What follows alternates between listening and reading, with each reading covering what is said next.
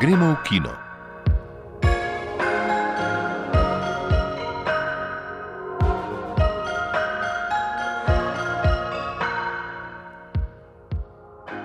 Lepo pozdravljeni. V slovenski kinoteki se začenja retrospektiva filmov Francoisa Trifoja. Na Rotterdamskem filmskem festivalu smo se pogovarjali o tako imenovanem Nollywoodu, nigerijski filmski industriji, ki se je v zadnjih letih razvila v eno najbolj produktivnih svetovnih filmskih industrij. V oddaji bomo govorili o glasbenem dokumentarcu Tine Lešničar Čas za improvizacijo in o nenavadni ugrabitvi Mišela Welbeka. Ocenili bomo športno dramo Foxcatcher Boy z norostjo in film Še vedno Alice. Julianne Moore, ki v njemu podobi profesorico jezikoslovja pri 50-ih z diagnozo Alzheimerjeve bolezni, so za njeno igro nagradili Zlatim globusom.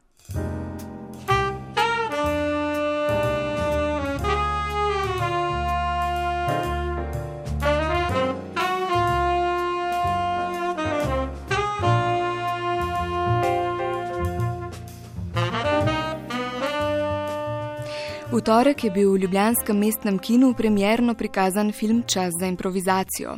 Tina Lešničar je v njem predstavila osem slovenskih jazzistov in njihovo udejstvovanje po svetu.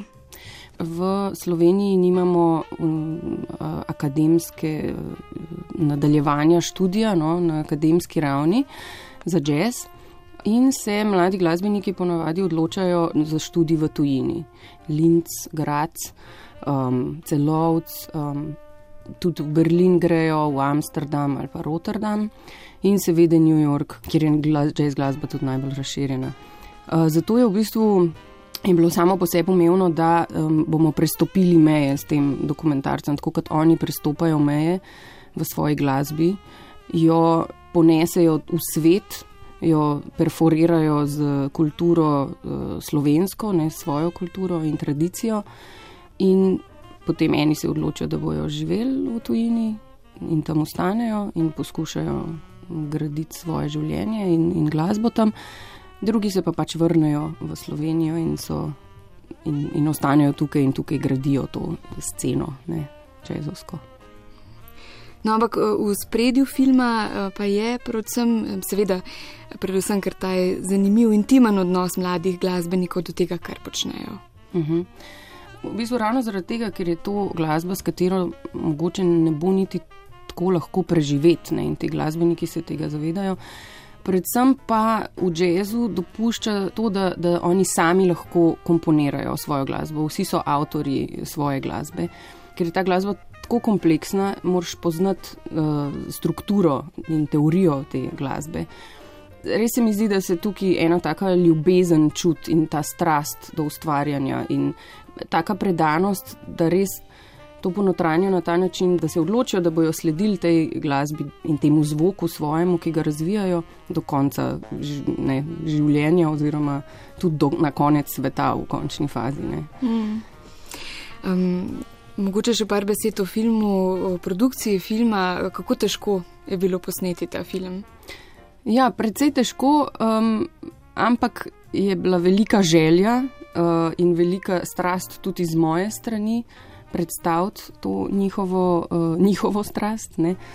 V bistvu smo začeli snemati uh, tam okoli leta 2012, nekaj tazga, ko se je na sceni začelo kar veliko dogajati ne, tukaj v Sloveniji. Jaz sem veliko uh, za delo v bistvu pisala um, člankov o tej mlajši generaciji in sem jih skozi te članke spoznavala, njihovo življenje. V bistvu se potem sem že nekako vedela, kdo mi lahko kaj pove, kakšne so njihove zgodbe in sem na podlagi tega en prerez te mlade generacije naredila. Predvsem sem bila pozorna na to, da delajo avtorsko glasbo. No. Je pa to nek, ta film poskuša biti nek delček, ne, nek trenutek v času na sceni Sloveniji in v tujini in mladih, ki se trudijo v tej glasbi uspeti. O filmu Čas za improvizacijo razmišlja Neva Mužič.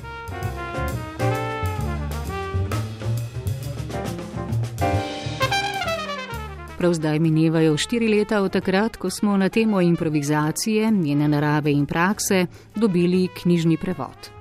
Spodbuda za pisanje knjige so bili pogovori z različnimi glasbeniki, končni rezultat pa je pokazal dvoje.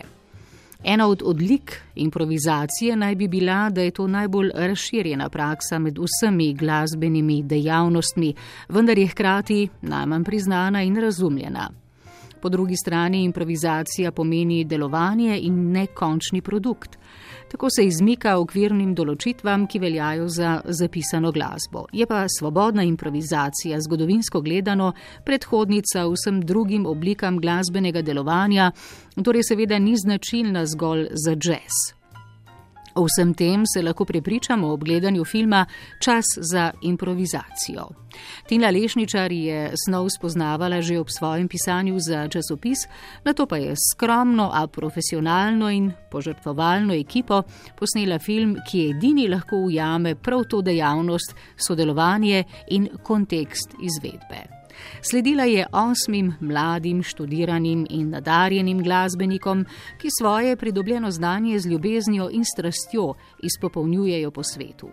Sicer pa film ponuja premisleke tako o interpretaciji kot o pisanju izvirne glasbe, o prostorih navdiha, o težkem preboju v spredje, na pomembne festivale ali celo do zgoščenke.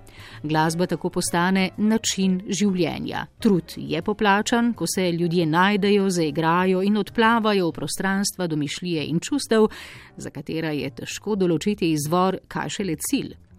Film je tudi montiran v slogu glasbe, najprej je tu osnovna ideja, na to razvajena nadgraditev, ki se poraja iz samega materijala, seveda s pomočjo nadvse talentiranih, delavnih in ustrajnih glasbenikov, ki jim lahko prisluhnemo tudi na slovenskih festivalih in v nekaterih klubih.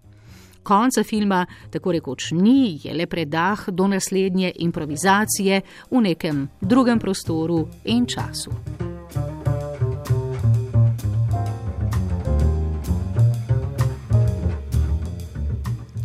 Čas za improvizacijo si lahko ogledate tudi to praznično nedeljo v okviru programa Zajtrk pri Kinodvoru. Na projekciji bosta prisotna scenaristka in režiserka filma Tina Lešničar in saksofonist Jure Pukl, eden od filmskih protagonistov.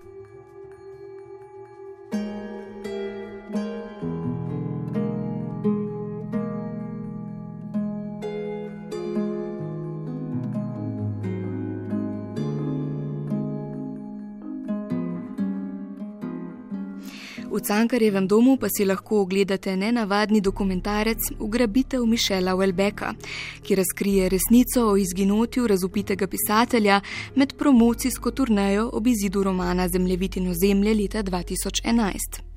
Oceno filma je pripravil Goras Trušnovec.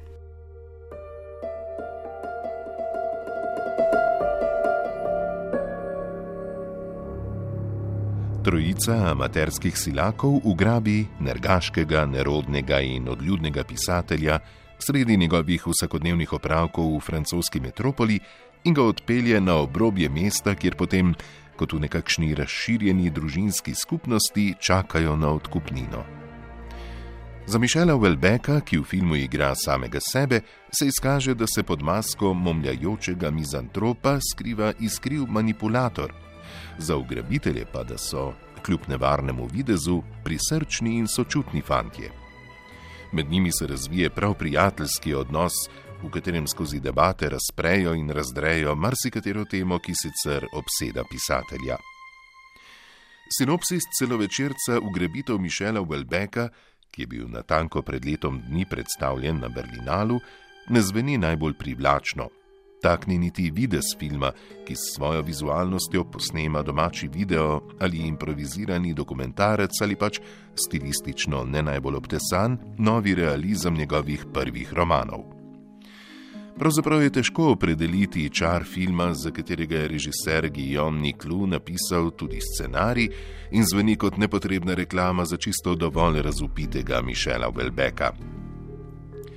Film je avtorsko uspel predvsem v tem, da na koncu potrdi tako mnenje tistih gledalcev, ki jim je Welbeck že vnaprej antipatičen, kot tistih, ki obožujejo njegova literarna dela. Poglavitni čar se skriva v njegovem neprisiljenem prepletanju metanivojev. Welbeck sam sicer igra Welbecka pisatelja, Toda kot gledalci in soudeleženci te čudaške ugrabitve se predvsem vse čas sprašujemo, v kolikšni meri gre tu za nastop, za tolmačenje neke pričakovane vloge in izpolnjevanje vnaprej izoblikovanih pričakovanj, za njihovo karikiranje in komentiranje, v istem smislu, kot so svoje vrstni performansi tudi javni nastopi in intervjuji samega Welbecka. Vsekakor pa je z avtorjevimi znanimi stališči do islama ter z razvojem dogodkov v Franciji film v letu dni od svojega nastanka dobil še kakšno interpretacijsko raven. Lahko rečemo, da je film ugrabitev Mišela Welbecka sicer simpatično posvetilo starajočemu se enfant terrible sodobne francoske in evropske književnosti. Kljub temu je vse skupaj v nasprotju s pričakovanji presenetljivo duhovita zadeva, prežeta z ironijo.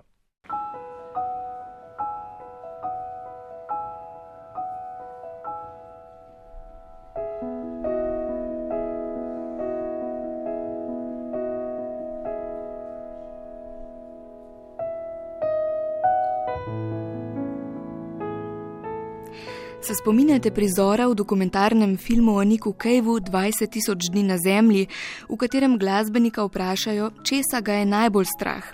In on odgovori: izgube spomina. Spomin je to, kar smo. Film še vedno Alice načenja prav to temo. Matej Juh.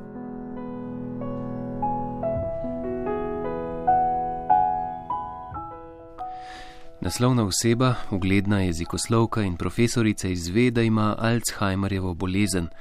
In film Še vedno Alice je v resnici prepričljiva analiza in ilustracija razvoja te bolezni in odzivov Alicinih najbližjih na njo. V glavni vlogi je znova odlična Julianne Moore. Za vlogo je že prejela Zlati globus in veliko je govora tudi o Oskarju, za katerega je nominirana. Težava filma pa je v njegovi pretirano linearni zgodbi. Vsa pripovedna energija je namreč uložena v prikaz grozljivih posledic bolezni, kaj več od te plastično prikazane vivisekcije problema pa film žal ne ponudi. Alice od začetka do konca ostaja tragična oseba, ki svet dobesedno izginja pred očmi. Njeno preteklo življenje, podrobnosti, ki ga sestavljajo, njena umeščenost v čas in širša slika sveta pa ostajajo v zadju, nekako nepomembne. Celo njen odnos do družinskih članov, ki je vse čas zgleden in ljubeč, je ne uspe razpreti psihološko dovolj poglobljeno, da bi jo začutili kot polnokrven lik, kot bitje, ki je živelo in še vedno živi v svetu. Nasprotno, družinski člani veliko krat delujejo samo kot sredstvo za stopnjevanje tragike ob alisinem razvoju bolezni. V spominu številnih filmskih zanesenjakov je gotovo še zelo živ film iz leta 2008, daleč od nje, v katerem se je režiserka in scenaristka Sarah Polly s pomočjo zgodbe Alice Monroe lotila iste teme. V glavni vlogi pa je blestela Julie Christie, ki je bila za vlogo prav tako nagrajena Zlatim globusom. Bistvena razlika v primerjavi s filmom Še vedno Alice je v tem, da je daleč od nje kljub isti osrednji temi predvsem minimalističen v pogledu, mnogoplastno intimo para, nekakšen umetniški portret dvojine, ki gledalcu omogoči potopitev v občutek konca, konca, ki je hkrati doživljen in viden, opazovan z očmi bližnjega. Tu ne gre za vprašanje igre. Obe igralki sta vsaka v svoji vlogi odlični, ampak za vprašanje videnja sveta in posledično umestitve likov van. Še vedno Alice je torej vseeno precej daleč od celostnega prikaza sveta v filmu izpred sedmih let in razmeroma daleč od psihološke poglobljenosti osrednjega lika Fione. Skratka, Alice je, ravno prav paradoksno za konec, po dramaturški prepričljivosti in upetosti v svet, kar daleč od nje. Do you have any idea who I am? Why I to come here today? No. I wanted to speak with you about your future. What do you hope to achieve, Mark? I want to be the best in the world.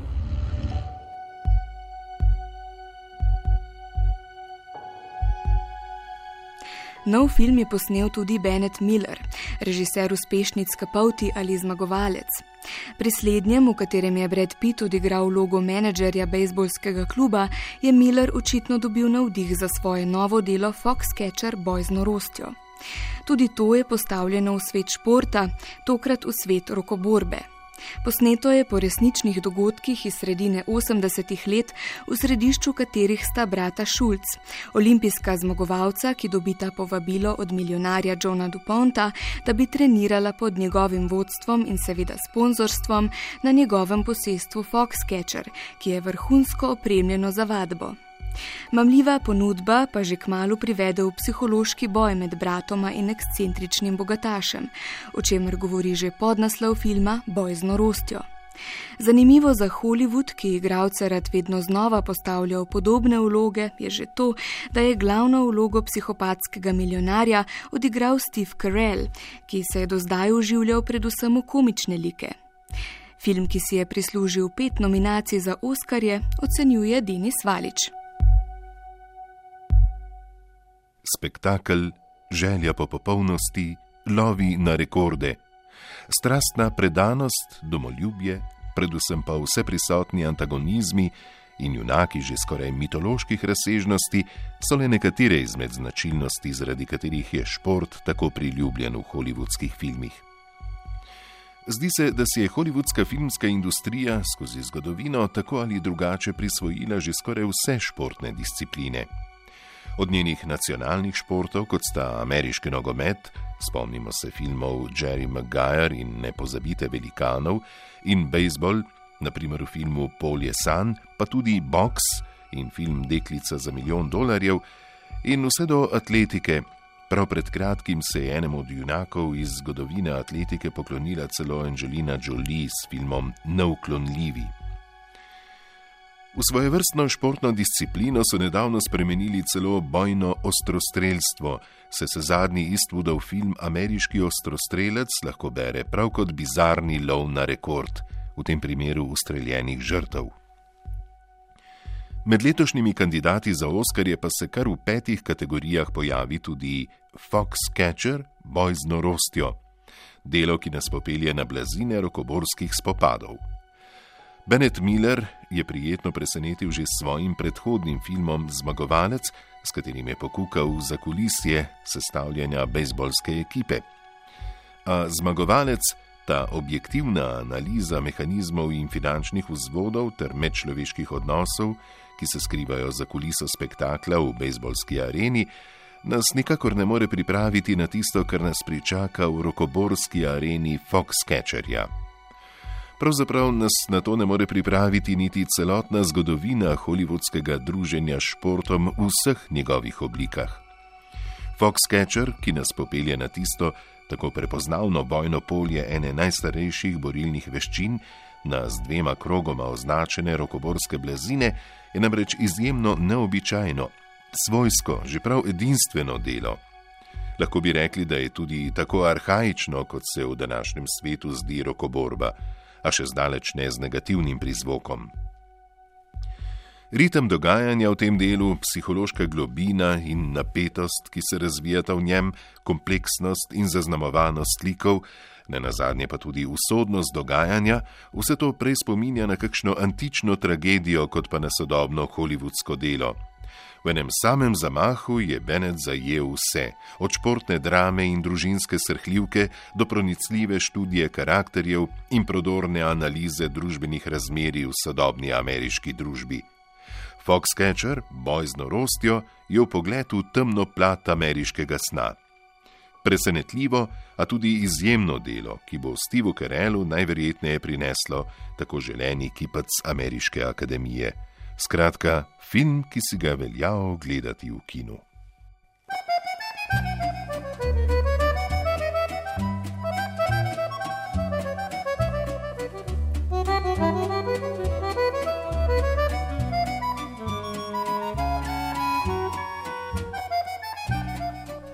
Slovenski kinoteki bo do konca februarja na ogled 14 filmov Francoisa Trifoja, avtorja, ki zgodovino filma zaradi svojega mesta v njej prav pooseblja. Kot se za kinoteko spodobi, bodo filmi predvajani v izvorni obliki, torej s 35 mm filmskega traku. Ob tej priložnosti sem pred mikrofon povabila vodjo programskega oddelka v kinoteki Varjo Močnik.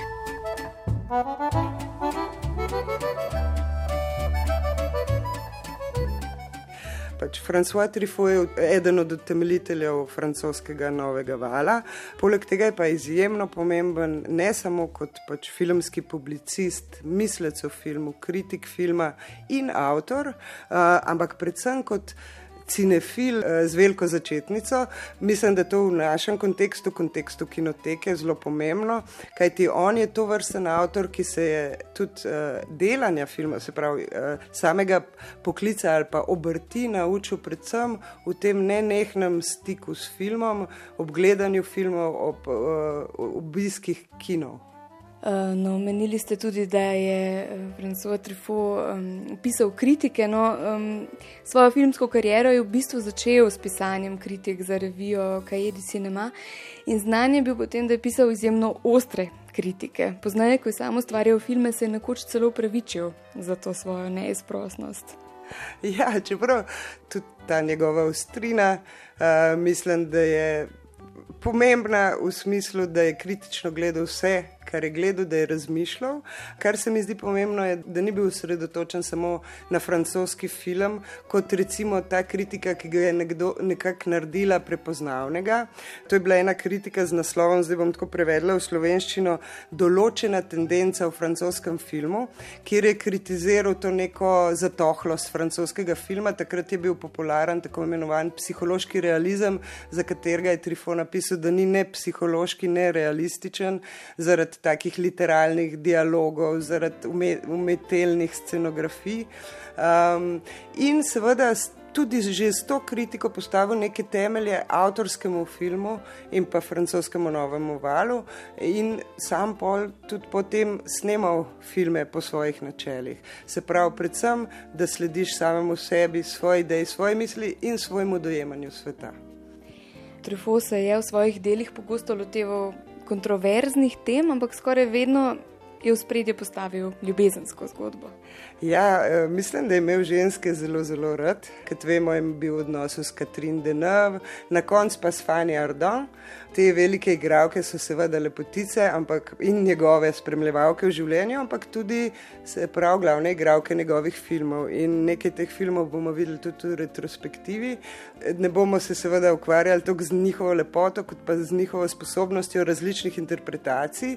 Meni je recimo zelo všeč Fanny Ardon v teh dveh filmih, ki zaključujete retrospektivo, ki sta zelo različna, soseda je v bistvu ena tragedija v tem. Ne brzdani strasti med moškim in žensko. Medtem ko drug film, v katerem nastopi Fanny Ardon, je pa živela ljubezen, to je pa prej komedija. In je ona tudi blesti v tej komični vlogi ja, ženske, ki v bistvu vzame igro v svoje roke in začne voditi eh, raziskavo policijsko. No, eden njegovih eh, stalnih igralcev, ki je v filmih predstavljal nekakšen trifojev filmski alter ego, je bil seveda Jean-Pierre Leo. V torek in sredo boste v kinoteki zavrteli tri filme, v katerih je Trifo postavil glavno vlogo prav njega. Bi rekla, da prav ta naša retrospektiva smo se osredotočili tudi na ta lik Jean-Pierre Leoja, temu liku je ime Antoine Duanel. Je zelo pomemben lik v Trifojevih filmih, ker je neka mešanica med Leojem in pa Trifojem. Se pravi, da je zmer nosi neke autobiografske elemente Francoisa Trifoja. Imeli bomo kar pet filmov z Antoinom Duanelom. Seveda prvi je 400 udarcev, tudi Trifojev prvenc celovečeren. Potem so pa še trije celovečerci celovečerci, ukradeni poljubi, zakonska postelja pa ljubezen na begu in pa en kratki Antoine in Colette.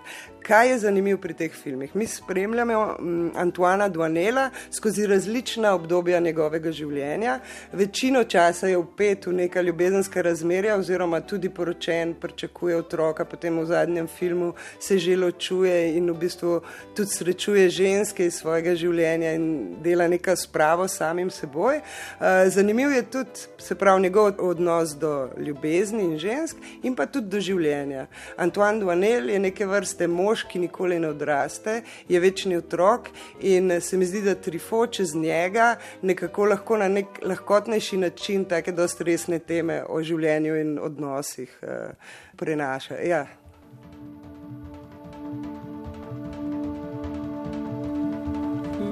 Sundu, mangi wo pepo domu Afrika. Že prejšnji teden smo v oddaji poročali o dogajanju na Rotterdamskem filmskem festivalu. V okviru festivala pa je potekala tudi delavnica za mlade filmske kritike.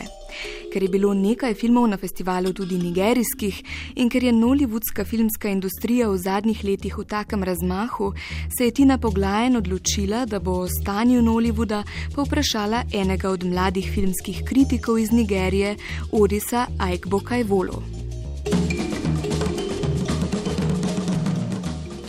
Oris se je ne le uvrstil na delavnico v Rotterdamu kot edini neevropejec, temveč sodeluje tudi na delavnici Talent Press na tokratnem Berlinalu, ki je že v teku. Vse to je morda še toliko bolj impresivno, ker filmska kritika v Nigeriji, kot pravi sam, praktično ne obstaja. Film criticism in Nigeria currently is. Um, hm. No, skoraj ne obstaja. Težava je v tem, da medijska kultura v Nigeriji se stoji predvsem iz tabloidov, opravljivih spletnih strani posvečenih filmskim zvezdam. Na bolj intelektualen način o Nollywoodu nismo nikoli razmišljali. Pri tem ne mislim na akademsko pisanje o filmu ali kaj podobnega. Zelo redko je namreč tudi povsem običajno razpravljanje o filmih ter njihovo ocenjevanje. Zato je filmska kritika pri nas še posebej izmuzljiv posel. Morda so za to deloma odgovorne tudi okoliščine nastanka Nollywooda. Kot pravi Oris, je ta le trenutna faza nigerijske filmske industrije rezultat podjetniške zamisli. Neki poslovnež je imel na zalogi veliko videokaset, ki niso šle v prodajo. Pomislil je, zakaj ne bi na nje česa posnel in jih potem poskusil prodati. Tako je tudi storil in kasete so se dobro prodajale. Pravzaprav so postale neznansko priljubljene. Film se je imenoval Življenje v ujetništvu. Med ljudmi je prebudil zanimanje in to je bil začetek nollywoodske industrije. Nigerija je imela svojo kinokulturo že predtem, vendar so se v 80. in 90. med vojaškim režimom šole večinoma zaprle. Vmes je bil v ustvarjanju filma nekajletni premor, zato ljudje včasih mislijo, da je Nollywood prva nigerijska kinematografija, čeprav to ni čisto res.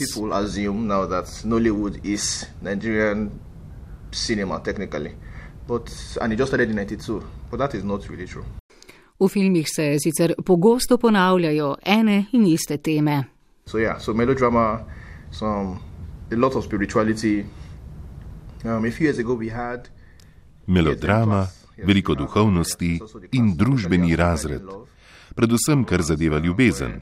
Posebej priljubljene so romantične zgodbe o bogatem dekletu, ki se zaljubi v revnega fanta in obratno, torej ukvarjanje z družbenim razredom class, class, class examination or exploration.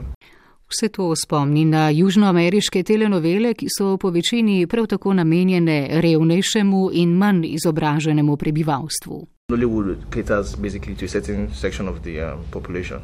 So for those guys, Nollywood viewing might be. Nollywood producira filme za določen del prebivalstva. Za nje filmi prikazujejo življenje, kot bi si ga želeli živeti. Ko vidijo ljudi z velikimi avtomobili dragimi hišami, jih to spodbudi. Hkrati pa so ti filmi v tem podobni hollywoodskim.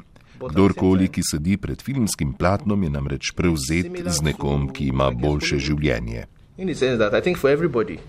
The television or the big screen has a certain fascination. Are people who are there? So there's this idea that people are, I don't know, better off. Kako pa je s cenami kino vstopnic v Lagusu, preračunano iz nigerijske valute v evre, stane približno 5, o petkih in koncih tedna tudi do 7 evrov. Cena vstopnice je torej enaka ali celo dražja kot v Sloveniji, kar seveda pomeni, da si v Nigeriji obisk kina lahko privošči le peščica najbogatejših. Vsi ostali filme gledajo izključno na DVD-jih, ki so pogosto piratski. So we have our minimum wage is about um,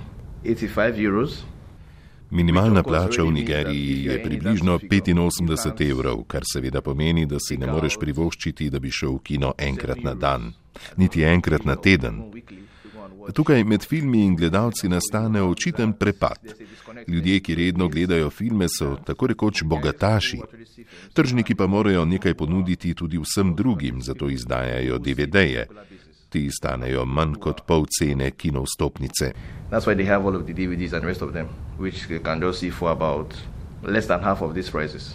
V okviru Nollywooda sta se tako pravzaprav oblikovali dve industriji, ena za filme v kinu in ena za filme na DVD-jih. Med obema se je vzpostavila tudi jasna razlika v produkcijskih vrednostih filma. Filmi namenjeni za v kino so tudi videti dražje, medtem ko se filmi na DVD-jih zanašajo predvsem na zabavne like in na znane obraze.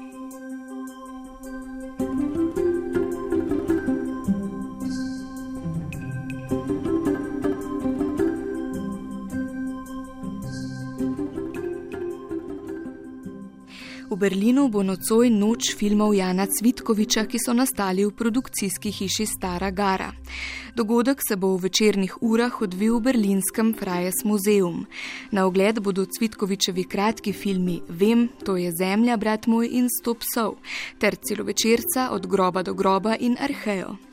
Povemo še, da se te dni prav tako v Berlinu v redni distribuciji predvaja celovečerna komedija Zora in moj nečak Idiot, ki je nastala v koprodukciji Stare Gare in Transmedije iz Italije.